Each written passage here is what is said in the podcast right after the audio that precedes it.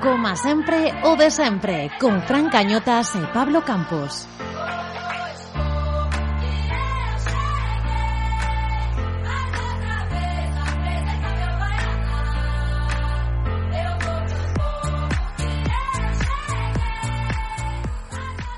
Moi boas, benvidos a este episodio especial Iso sí, o décimo sexto do Coma sempre o de sempre. Nesta peza falaremos do peche do mercado de fichaxes para o Celta e para o resto de equipos da Liga, como tamén da previa do encontro contra o Atlético de Madrid. Señoras, señores, comeza, como sempre, o de sempre.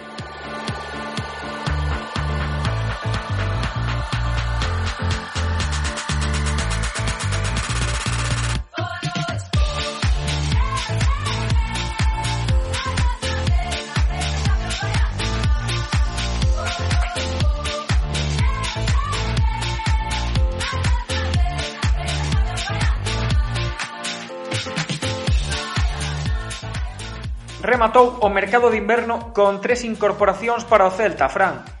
Aarón Martín, Augusto Solari e Ferreira chegan e o Laza e o Cai marchan dun Celta que valorou como bo este período de traspasos. Todo o mercado e moito máis no noso especial Tempo de Análise.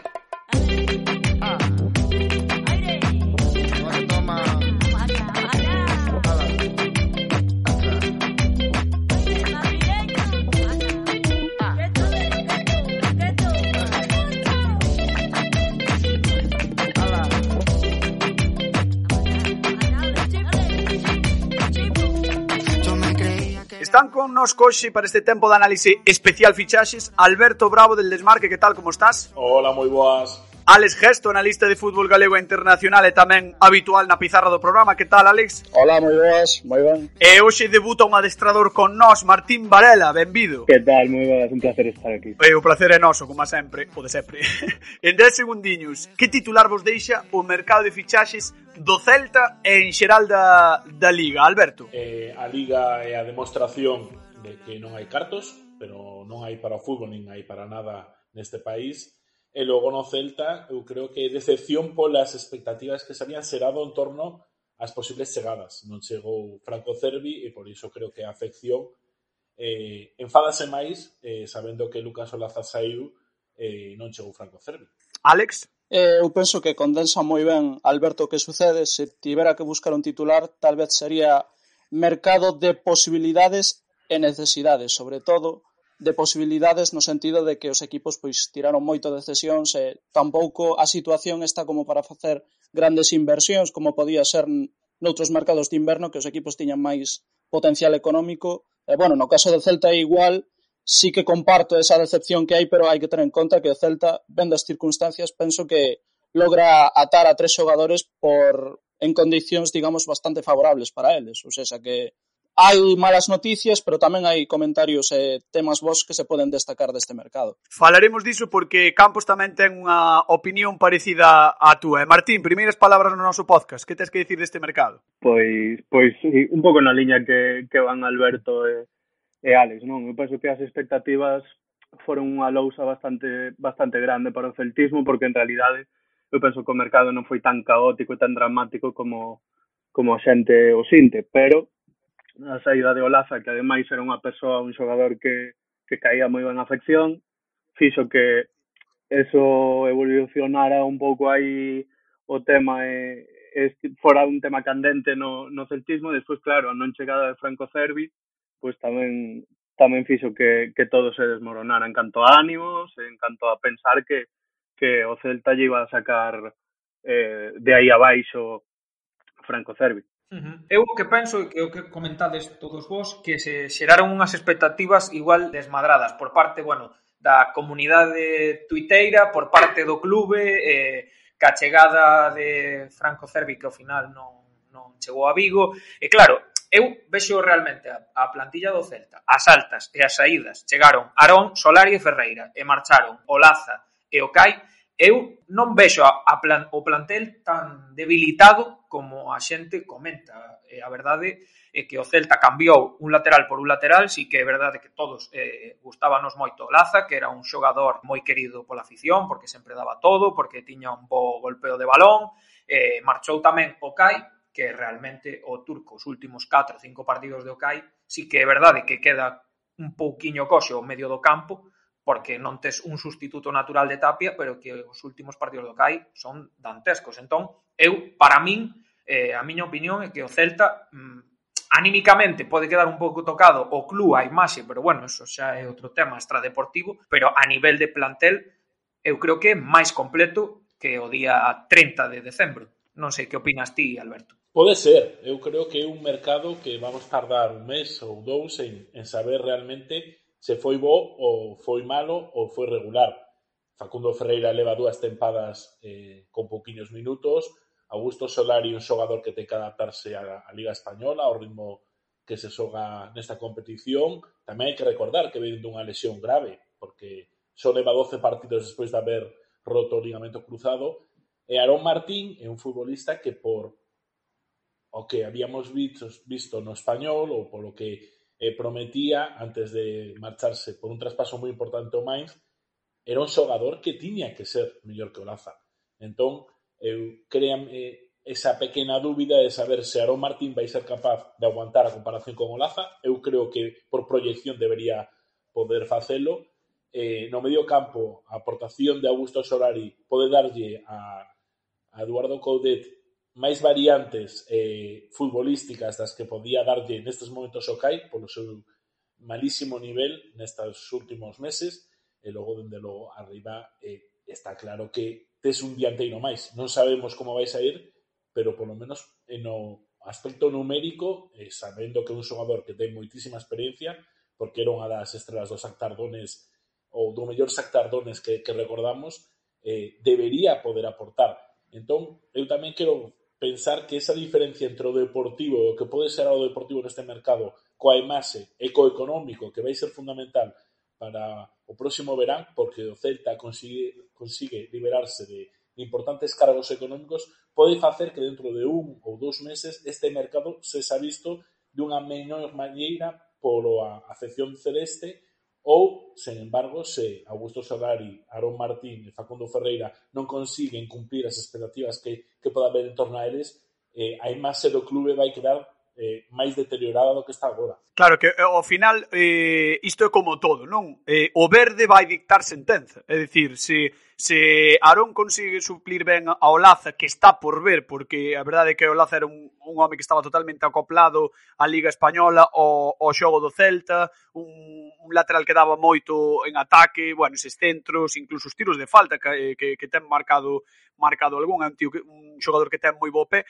Ao final o verde vai ser o que diga se o mercado foi bo ou non, aínda que económicamente fose bo, porque eu creo que estamos todos de acordo en que económicamente para o Celta foi un bo mercado, eh, a nivel Deportivo mm, quedamos un pouco a expectativa do que pase, non, Alex? Sí, dende logo. Eu penso que ao final eh, é importante remitirse ao Deportivo para, para analizar, en todo caso, se, se son existosos ou acertadas as chegadas, máis alá do que podan aplicar. Tamén hai que ter en conta algo que non se comentou, é que penso que os xogadores que chegan, varios deles son peticións expresas de, de Coudet ou polo menos son perfiles que gustaba Coudet. Polo tanto, eh, no sentido en que a dirección deportiva está remando no mesmo no mesmo camiño que o que busca o entrenador, penso que todo un acerto. Por exemplo, o tema do 9 que comentouse durante todo o inverno, pois ao final chega Ferreira, que tal vez non pode xerar as expectativas do autor dianteiro pola situación na que ven, polas lesións que tivo, pola pouca continuidade, pero sí que pode ser un perfil un xogador que de non ter esas lesións e continuidade, pois pode sumar como calquer outro e, De feito, un dianteiro máis que antes o Celta non tiña, xa comenta Alberto. Solari é un xogador que coñece el e que traen el eh, e que traen a, a, a coñecemento del porque entrenou uno, eh, xogou no seu Raz e foi un xogador que tivo bastante continuidade e relevancia no, no Racing da Veña de Coudet, ou seja, que E outra decisión que pareceme acertada é de ter continuidade, pois poño que terá sentido agora de xogar e, e de estar no Celta pola, por ese coñecemento que poda ter e ademais por o rendemento que poda dar pola, pola súa conta.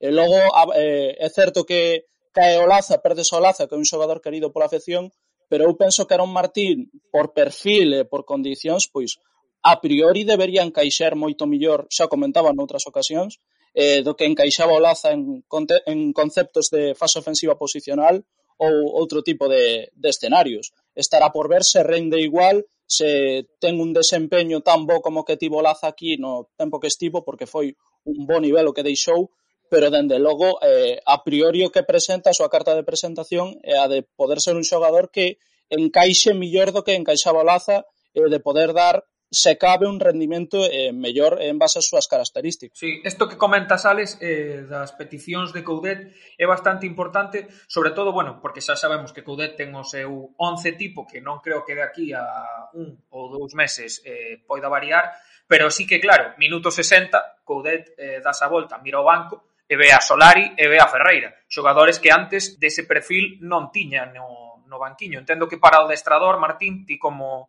como míster eh, é unha boa noticia. Sí, sí, sí, sen dúbida. Sen dúbida, poder mirar o banquiño e, e ter algo que botarlle man con respecto con todos os respectos a os demais xogadores é algo moi positivo. Eh, facendo un pouco de, de abogado de Ferreira, que foi o que o que máis crítica recibiu pola súa chegada, sen ir máis lonxe, era un dos dianteiros que que tiña o, o Shakhtar Donetsk de, de cando xogamos no, cando xogou o Celta contra el en Europa League. E bueno, unha vez eso que lle tocaba ao Celta o Shakhtar Donetsk, a xente, a prensa e demais, foi a mirar que xogadores tiña e viu que unha das baixas era o seu dianteiro que tiña unhas cifras goleadores goleadoras bastante importantes. Ese dianteiro que a xente celebraba que estivera de baixa era Facundo Ferreira.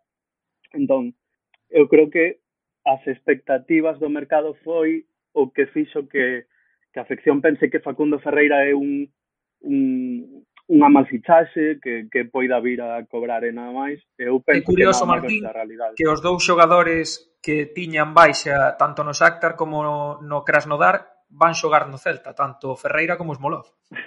exactamente, exactamente, sí, sí, sí. Eu penso que un pouco están aí as expectativas, un pouco o mercado de fichaxes temos que ter en conta que é unha bola de neve, e que vai te atrapando e vai facendo que penses o que el quere que penses, o que a prensa un pouco tamén te axuda que penses. Porque sen ir máis lonxe, Franco Cervi levaba, ata a semana pasada, levaba un ano e dúas semanas en marcar un gol. O, o último, penso que foi, ahora estou falando de memoria, pero penso que o último gol antes de, deste último foi en xaneiro de 2020 contra a Vitoria de Guimaraes na Liga, penso. E este último foi, nada, fai unha semana na, na taza de Portugal contra, contra belenenses, ou seja que eh, un pouco está no que o mercado quer que penses na bola de neve que se vai creando pensando que no hype que se vai creando con un xogador, porque ao final os números son igual de males, de malos ou peores os de Franco Cervi, pero... Uh -huh.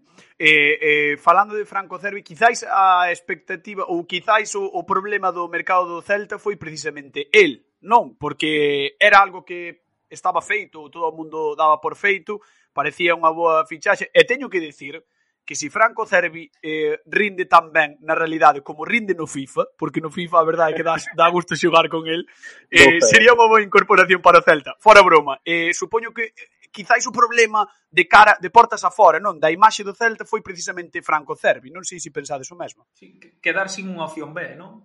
Sí, sí, algo así, non? Eu creo que a culpa é, é en moitos casos nos a dos medios sí, de comunicacións sí. porque facemos unha sobreexposición do que está pasando no clube. Eh, se te remites a fai 15 ou 20 anos, os xogadores chegaban eh, ninguén falaba de, da negociación, do contrato, de se estábamos negociando con fulanito, con citranito. Eh, esa sobreexposición que facemos se, se dera unha expectación tamén moi grande no afeccionado eh, e Franco Cervi pode ser que, que é verdade, porque Felipe Miñambre recoñeceu que tiña un acordo que o encumbramos entre todos, cando non xogador, como decía Martín, que levaba máis dun ano sen marcar un gol, pero que nesta tempada levaba 44 minutos xogados na Liga Nos, na Liga Portuguesa, nun bo equipo. Sí, sí. Pero na eh, Liga Portuguesa. Dun xogador, sí, pero sendo suplente dun xogador que vale 20 millóns de euros, que vende o Gremio Porto Alegre como Everton, pero claro, pero fai cinco anos te din que o Celta vai fichar un xogador que leva 40 minutos xogados na Liga Portuguesa e o primeiro que vas a pensar é que o que, o que non vai dar o nivel de Nolito. Sí, sí. Eh, bueno, as palabras de Miñambres Campos que, que levamos toda a semana tamén falando falando diso eh, non sei que, que opinión tedes vos desa, desa rolda de prensa eu por destacar, eh, basicamente temos aquí anotado, foi un mercado bono no deportivo e moi bono no económico mm, a ver, Eh, eu creo que non se pode, eu creo sí. que, que non se pode sair unha roda de prensa a, sí. a intentar xustificar o entendendo a a pandemia, entendendo a situación actual, pero eu creo que, que esta, estas verbas de Miñambres deixan un pouco en evidencia ao Celta e a súa secretaría técnica, pero bueno, é algo tamén que o Celta eh, de portas para fora tamén se mostra... Sí, que non, é pouco autocrítico. Sí, que é pouco auto, autocrítico, que non lle importa moito o que digan dende fora, e, eh, e eh, bueno, pero, pero sí, eu creo que, que a autocrítica do Celta é bastante pobre non Alex, por exemplo. Sí, no, tampouco penso que cando fan estas rodas de cronsa, pois teñen máis en consideración o punto de vista do clube ou dos movimentos que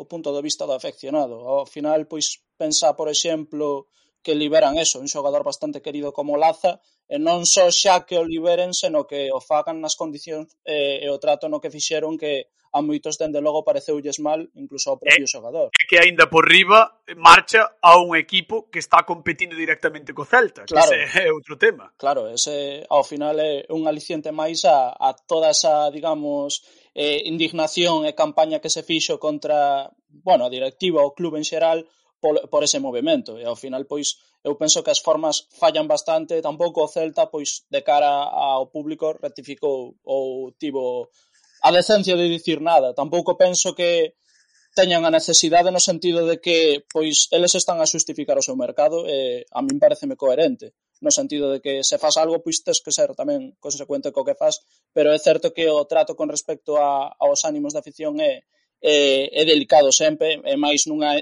nesta clase de entidades que ao final pois teñen unha vocación sentimental que outro tipo de, de entidades ou empresas, por decirlo de algún xeito, pois non teñen tamén o de Cervi, por exemplo, penso que Cervi eh, ao, fi, ao final era un xogador que se daba por feito en moitísimos sitios, eh, dende, dende logo xerou bastante expectativa, penso eu, un aficionado, e que ao final non chegase, pois tamén xera esa segunda oleada de, de indignación. Entón, pois, é normal tamén que eh, aficionado non, non este tan contento con esas declaracións porque espera algo tamén de, de autocrítica ou algún comentario polo menos que serva para, non sei, para pedir unhas disculpas ou algo así, non sei, por, por exemplo. Uh -huh. sí, sí. Bueno, Martín, a túa, a, túa, a túa opinión sobre a rol de prensa de, de Felipe Miñambres. Bueno, pues a miña rolda de, a miña opinión da rolda de prensa vai un pouco tamén polo que di, polo que din Alex e, e Alberto. Eu penso que eh, con respecto ao que decía do tema económico Miñambres, ten unha mínima lógica que Miñambres poida falar de cartos, pero a xente esperase que el fale, eu penso que estrictamente no plano deportivo por un por un simple motivo, porque ao final os cartos que agora podes ter ou que agora podes aforrar e que che computan para esta temporada van a caer nos quecemento xa dentro de 4 meses. Por moito que agora teñas un saldo positivo e antes tiveras cero, xa non digo que teñas menos 10, pero que teñas cero, que non tes débedas e que e demais, uh -huh. en, bueno, eu penso que cando te paras a pensar dis, e agora que van a facer con estes cartos. Como non fichen alguén que estea libre, que lle poida encher o ollo a, a Coudete, que lle poida valer para algo, ao final eses cartos que poideites aforrar e que agora estás en positivo e demais, pois xa non lle valen para nada o Celta, eu penso. O, o certo é que sí que é verdade que nestes últimos tempos eh, en xeral o celtismo, os medios, eh, toda a xente que está arredor, os entornos, sempre foron moi críticos co, co Celta, coa xestión deportiva, eh, coa xestión económica tamén do club, eh, pero realmente eh, se nos vamos á táboa clasificatoria, o Celta é décimo con 25 puntos, 6 puntos por riba do Alavés que marca o descenso, bueno, ten dous partidos menos o Elche, pero pero non está sendo unha mala temporada do Celta, se o pensas, se o pensas así con perspectiva, non? Se o ves mm, dende lonxe, é verdad que se empezou moi mal, pero agora mesmo o Celta mm, clasificatoriamente non está moi mal. Igual ás veces pecamos de, de darlle demasiado caña. Non sei bueno, se si, si vos parece a vos. Bueno, Fran, tamén hai que ter en conta que, que o sea, eu creo que hai que collelo un pouco con pinzas porque o mes de decembro do Celta foi sí, pero, foi pero demasiado, realidade, foi demasiado sí, bo, eh? foi por sí, encima pero, das posibilidades do Celta. Sí, pero a realidade é a que é Quero sí, dicir, sí, eh, eso, eso tamén, claro. tamén, pensaba, tamén pensábamos que o Celta ia facer 15 puntos na primeira volta e ao final fixo 20 e pico. Quero dicir, eh, a realidade é que o Celta ten 25 puntos e non quero defender, vamos, en absoluto eh, a xestión deportiva que fixo o Celta de Vigo eh, para nada, pero pero a realidade é que ten 25 puntos, e que está décimo clasificado na Liga, é dicir, está nunha zona máis que tranquila. Sí, pero con unha destitución por medio, que non hai que esquecerse diso. Sí, sí, pero... pero... Eh, a xestión deportiva do, do Celta eh, non ha sido, non pode ser boa. No momento no que ceses alguén, estou de acordo. Se tivo que, bueno, claro. No momento no que renovas xa o ah. adestrador que non queres. Sí, sí. sí. Bueno, pero eso, eso sempre sucede eh, no Celta eh, porque é como premio, non? teñen unha maneira con sí, non, non premio, sei se como premio, premio absurdo ou... de, bueno, mira, eh, xa que tal, pois pues, ala. Non, pero eu creo que foi máis neste caso, eh, igual que pasou con Fran Escribá, que non atoparon no mercado o técnico que querían. Entón, eh, antes de apostar por algo que non crían, pois decidiron seguir con alguén que les había dado un resultado eh, mínimamente aceptable, como foi o caso de Fran Escribá e eh, foi o caso de, de García.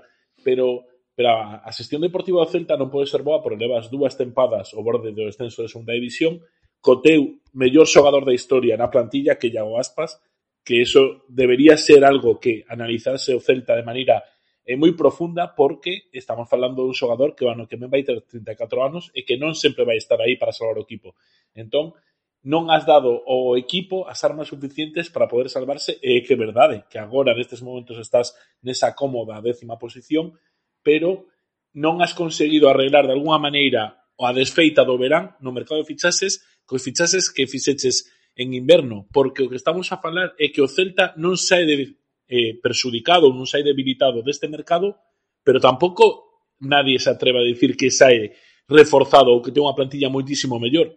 A, a idea agora é estamos igual, un poquinho mellor ou incluso peor. Entón, todo o que tiñas que arreglar en, en Xaneiro non, a, non, non has conseguido facelo porque a sensación que queda é isa e logo tes outro problema. É que eh, os grandes pecados do Celta neste mercado foron eh, varios. Un, non conseguir dar saída a David Costas e a Jorge Saez con dos fichas altísimas que te impidiron fichar ese medio centro que pudiese suplir ao CAI. Segundo, o CAI vai volver en xuño, veremos como volve. E terceiro, a situación que ha xerado con Olaza, que acaba reforzando un lateral, eh, perdón, a un equipo do mesmo, da, co objetivo similar ao que ten o teu. E cuarto, eh, esa palabra de Felipe Miñambres que o aficionado non quero ir, porque o aficionado quero ir de deporte, non quero ir de economía. Sabemos todos que a economía da Celta é boa, pero ti non podes decir que o teu fichase, o teu mercado de fichases é bo no deportivo, pero sobre todo é moi bo no económico, porque o económico eh, tamén está íntimamente relacionado co Deportivo. Se o Celta é capaz de quedar oitavo esta tempada, vai ter máis cartos polos dereitos audiovisuais que se queda de 16. Entón, todo o que mellores eh, económicamente, o sea, perdón, deportivamente o teu clube se debería traducir tamén logo en, en un aspecto económico ou en maior ingreso económico. Se non o faz, a sensación que lle está quedando, eu creo, polo, polo que palpo, eh, o aficionado medio do Celta é que o clube intenta seguir sempre en primeira, ao, ao pero mínimo. intentando minimizar es. o mínimo. Eh, se podo eh, gastarme 30 en lugar de 40 para seguir en primeira, vou gastarme 30 e vou me arriscar. E logo se me veo moi afogado, vou a ir a, a Saneiro a por esos xogadores, que foi o que pasou xusto a temporada pasada. É que, eh, a min dá má sensación eh, dende, dende o descoñecemento ou dende o punto de vista eh, de alguén que está fora do club Eh, precisamente do, do que diste, de que o Celta leva uns anos como que a parte económica prima. Obviamente é unha empresa, eu non digo que non teña que primar a parte económica, pero que priman demasía sobre, sobre o aspecto deportivo. É dicir, o que diste, si, si o Celta pode salvarse cun punto por riba do descenso, ou como pasou eh, eh, nese partido agónico da temporada pasada, e xa está aforrando cartos, e que parece que é o que, o que se vai facer ano tras ano. E iso eu creo que é moi perigoso porque o Celta leva varios anos eh, baixando as súas aspiracións, eh, eh, loitando cada vez contra, contra os elementos máis perigosos da liga da liga aí na zona de descenso e ao final iso eh, vai ir en detrimento obviamente do, do club eh, da afección que, que, que podes entrar nese nese cansancio de eh, é que total estamos sempre loitando por eso. Sabes, é moi, é moi complicado porque podes desenganchar a xente. Iso, iso pode ser eh, difícil tamén para o afeccionado, que, que se aburra, non? Da, das, das expectativas do club. Non sei se si, mm, vos palpades tamén isto. Bueno, que dende logo que eu penso que iso afecta e que ao final pois ten que ver coas expectativas que podemos ter uns ou outros. Tamén é certo que é importante ver as cousas con perspectiva, eh, porque penso que a situación na que está agora o Celta tampouco invitaba tanto a facer grandes inversións. Non obstante, eh, o certo é que cando chega Coudet, eh, cando comeza Óscar a temporada, hai que atender ao número de fichas profesionais que ten o Celta en nómina e ao número de puntos conseguidos dende entón, que pareceme que eh, estamos a falar dunha plantilla curta, máis aínda con Coudet, que aposta por un once tipo e non daban casi prácticamente ninguna rotación aos xogadores e ainda así o Celta está a lograr eh, o obxectivo que pois, parece a semella que a permanencia outro ano máis eh, en visos de que, de que o equipo pois poda competir con, digamos, cos equipos da zona media e asentarse ali. Veremos de cara á segunda volta isto ao final é algo progresivo, sabedes, que sempre que o equipo vai xogando mellor, a xente enganchase máis e as expectativas crecen e se o equipo ten malos resultados, pois a xente já, xa desentona. Penso que as expectativas do aficionado ten que ver tamén moito co que se fai no campo e máis alá do que se fai nos, na dirección deportiva que tamén é, é indispensable.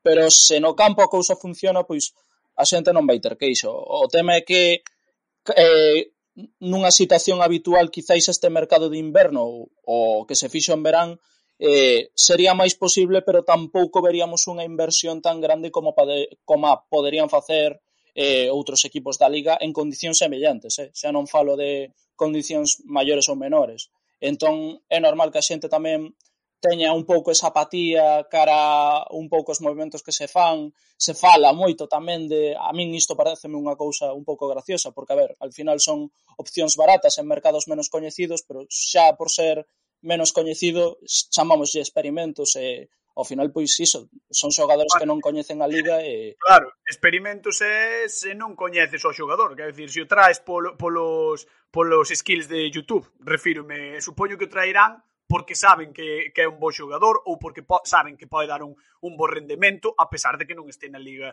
na Liga Española. Non sei que quería decir Martín antes. Pois pues mira, coincido bastante no que dixo no que dixo Alex ao final eu penso que a apatía da afección eh, xa está latente, eu penso que é normal, é lóxico, e para min o mellor que puido facer, o mellor que, que llevou a Celta para darlle un empurrón a campaña de abogados, eu penso que foi a, contra, a contratación de Coudet porque o que lle dou no campo, o que se viu no campo, que despois poden chegar os resultados, non, ti podelo facer ben e podes perder.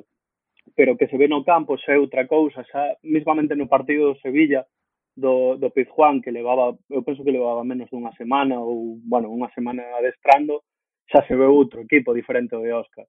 Entonces, e despois xa non digamos co que dixo antes eh, Pablo de, de todo todo o que pasou en decembro, que foi o mellor decembro da historia do, do clube. Entonces, eu penso que o empurrón que puido ter, o pequeno empurrón que puido ter a campaña de abogados, pois foi eh, casi 100% seguro que, que polo que polo que lle dou Coudeta o club o equipo neste nese mes.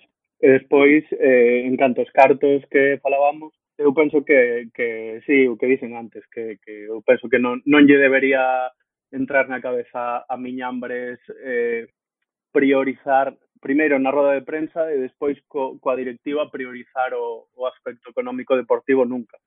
Tamén é certo que temos dous xogadores que costan 26 millóns de euros e que non que non rendiron o nivel un menos de outro máis, que son Denis Suárez en Remor, un menos de outro máis, repito, porque non os vou a meter os dos no mesmo saco, pero que si, si to, se todo o plantel rendira como máis ou menos se lle presupoñía, non digo po, tirando polo alto, digo, bueno... Normal. A un nivel normal, exacto, a un nivel lóxico do Celta pois seguramente sería outro cantar. De feito, cando o ano pasado penso que foi, eh, plantexouse a posibilidade de chamarlle o mellor plantel de, da historia do Celta. Entón, non pode ser que un plantel que pode xerar ese optimismo, esa ilusión, eh, pase a ser unha absoluta basura eh, e un despropósito de fichaxes seis meses despois.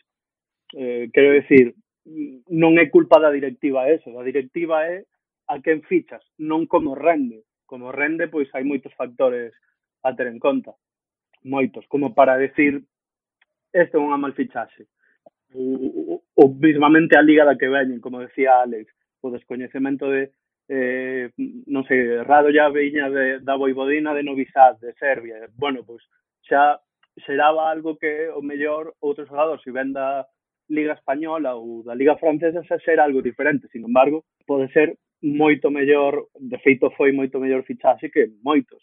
E como el, bueno, pasa no fútbol prácticamente 50 veces cada, cada mercado de fichaxes, pero bueno, supoño que final o descoñecemento de, do grosso da, da afección pois, tamén é normal, non todo o mundo coñece a, a todos os xogadores, nin nós, nin ninguén, Sí, non, non todo o mundo ve a Liga Rumana, por exemplo. Claro, non, claro, ao final... Non, non, todos somos, claro, non todos somos como a vos.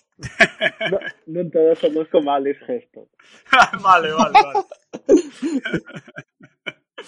Bueno, se vos parece agora, repasamos un pouquiño os fichaxes así máis sonados que houbo neste mercado de inverno. Na Liga Española, comentábamos antes fora de micros, eh, creo que era con Alberto, que o pouquiño gasto que houbo neste mercado de fichaxes, o pouquiño dinero diñeiro que se moveu. Por exemplo, eh, case todos son cesións, con Cubo e Aleñá, o Papo o Sevilla, o Valencia que fichou, bueno, cedido a Cutrone e a portuguesa Random destos que ficha o, o Valencia de Méndez, eh, a fichase de Carlos Fernández a, a Real Sociedade, que a mí sí que me parece un gran acerto, e as fichaxes, eu as meto dentro deste mercado de fichaxes, de Marcelino e de Pacheta no Athletic e, e no Huesca, que tamén hai que ter en conta aos, aos adestradores agora de, de metelos no, no saco. Non sei que, que opinas, Alberto, acerca do, do mercado de fichaxes da Liga Española e se realmente pois o Celta non o fixo tan mal eh, para o que hai no resto de equipos ou sí. Por exemplo, comentábamos tamén a modo de, de broma antes que a única incorporación do Betis é subir ao irmán de Fekir do filial ao primeiro equipo. Entón, que, bueno, de, dentro do que cabe o Celta aínda conseguiu aumentar algo o seu plantel. Pois eu vi que por nomes o Getafe ten boa pinta porque conseguiu un perfil de xogadores que non tiña na plantilla e só podelle venirlle bien a un equipo que estaba moi acostumado a un tipo de xogo que o mellor estaba empezando a esgotarse. Logo sorpréndeme un pouquiño para ben os movimentos do, do Cádiz porque ten dous dianteiros máis para para poder pois mellorar o nivel de, do resto de compañeiros, como son Saponjic e, e Sobrino, que non son dous pedazos de xogadores, ni moito menos, pero que poden axudar ao Cádiz. O Valencia por fin fichou, eso creo que vai con... Sí, eh, eso, eso creo que coquetiña, porque porque Valencia vive nun non sei se nun drama continuo eh, provocado por Lin, evidentemente, pero é que están falando dun equipo que, que o vían abocado ao descenso mm. con Gallá, con Soler, con Maxi Gómez, con Cilesen, con, con xogadores de primerísimo nivel. Agora con estes tres incorporacións eu creo que saltou a noticia, non? Definitivamente esa zona saltou perigosa. Eh, o Huesca sorpréndeme porque era un equipo que, que o estaba facendo ben no futbolístico, pero que a, o nivel da plantilla e sobre todo o nivel arriba parecía que lle costaba moito marcar goles. Eses tres tantos de Rafa Mir axudaron o equipo a sair un poquinho do pozo, a chegarse a esa zona de postos de salvación.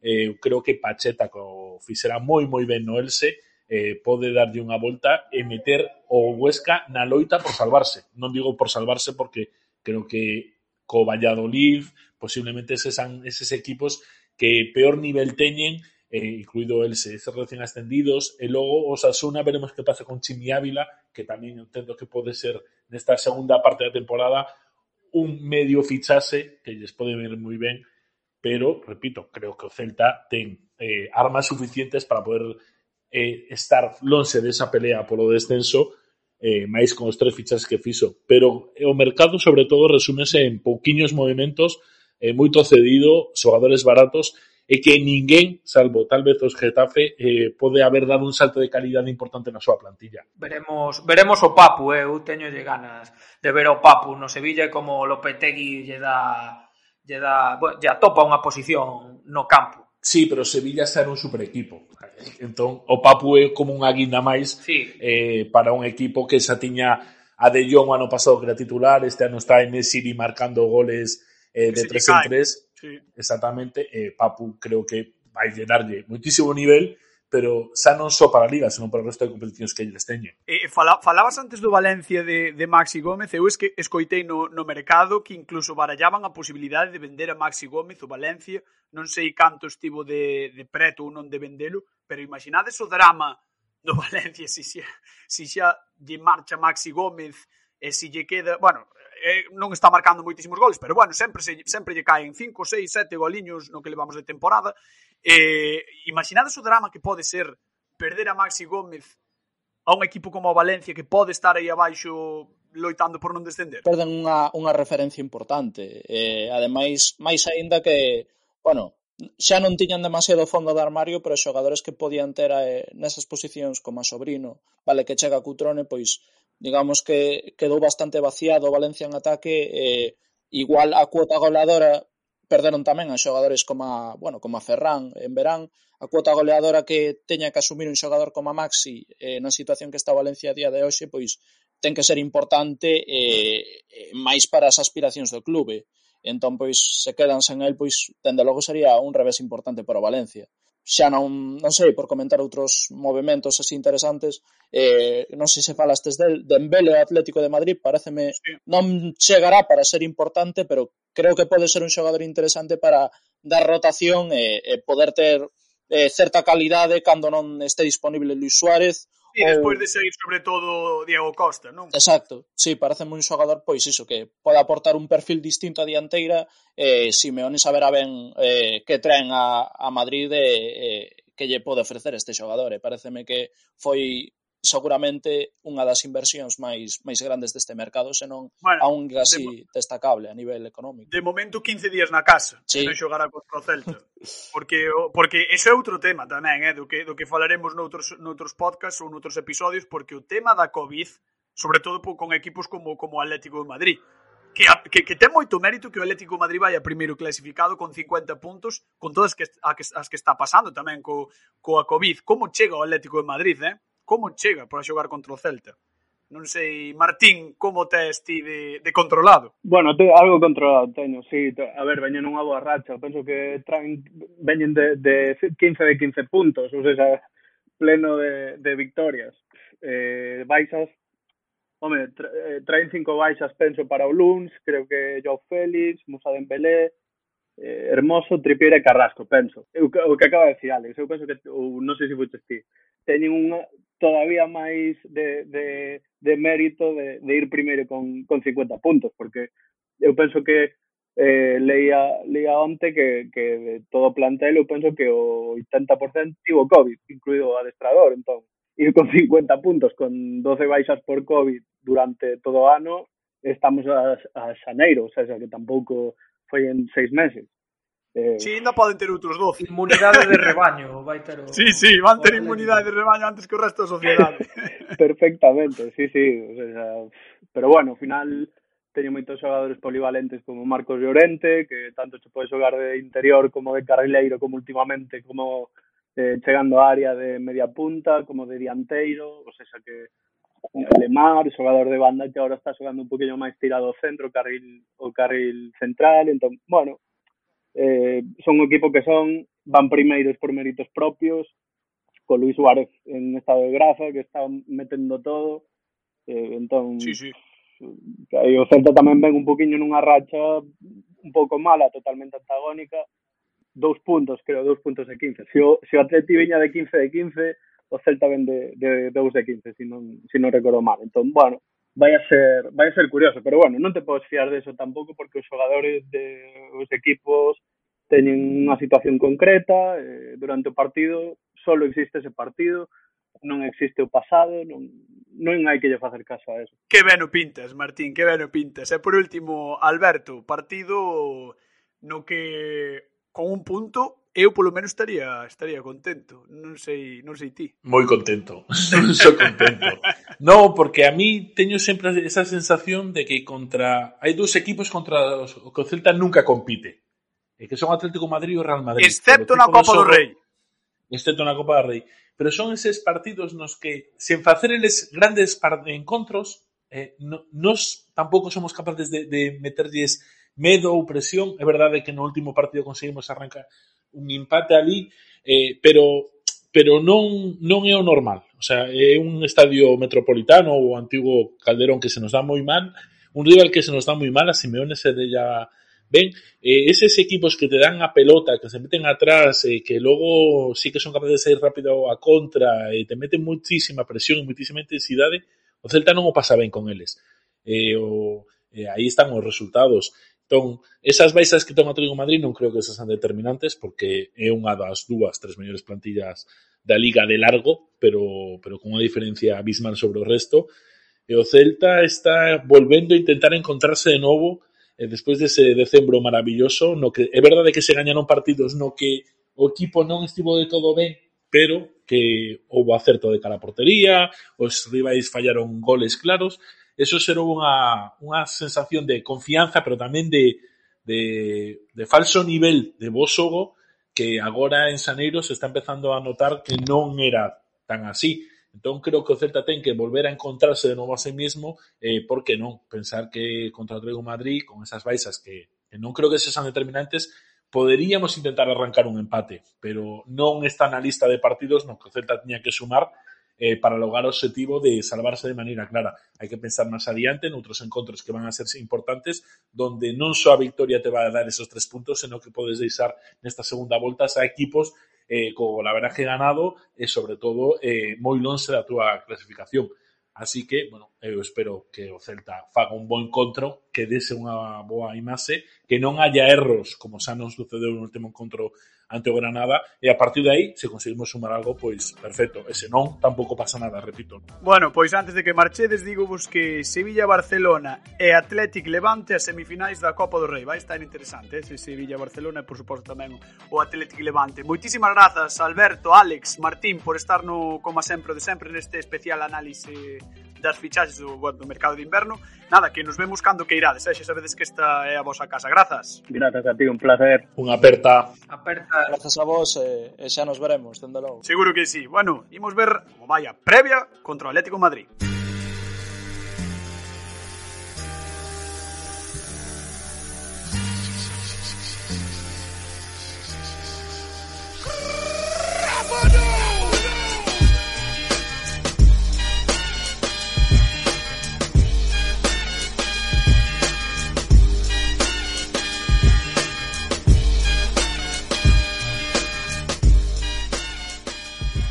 Celta viaxará a Madrid o próximo luns para medirse ao líder da Liga, o Atlético de Madrid no Wanda Metropolitano. Os de Simeone son primeiros con, ollo, 50 puntos, con nove vitorias consecutivas en Liga nas que marcaron 18 goles e tan só encaixaron 6, unha xeira espectacular. Os colchoneiros non poderán contar con varios titulares como Joao Félix, o menino, Carrasco, Hermoso e Dembélé pola Covid e Tripier pola sanción que xa ten que cumplila. Home, oh, o da apostar eh, sí, o que sí, ten. Sí. O das apostas para nós. Eh? O das apostas para nós. Pola súa parte, o Celta B viaxa a Salamanca para tamén visitar ao líder da categoría, o Unionistas, conxunto que tan só encaixou tres goles en 12 encontros. Veremos que é o que pasa. Ata aquí chegou este 16º episodio de Como sempre, o de sempre. O luns xoga o Celta, polo tanto, o martes haberá episodio de Como sempre, de sempre. Señoras, señores, vémonos a semana que ven. Chao, chao. Veña, ata a próxima. Como sempre, o de sempre, con Fran Cañotas e Pablo Campos.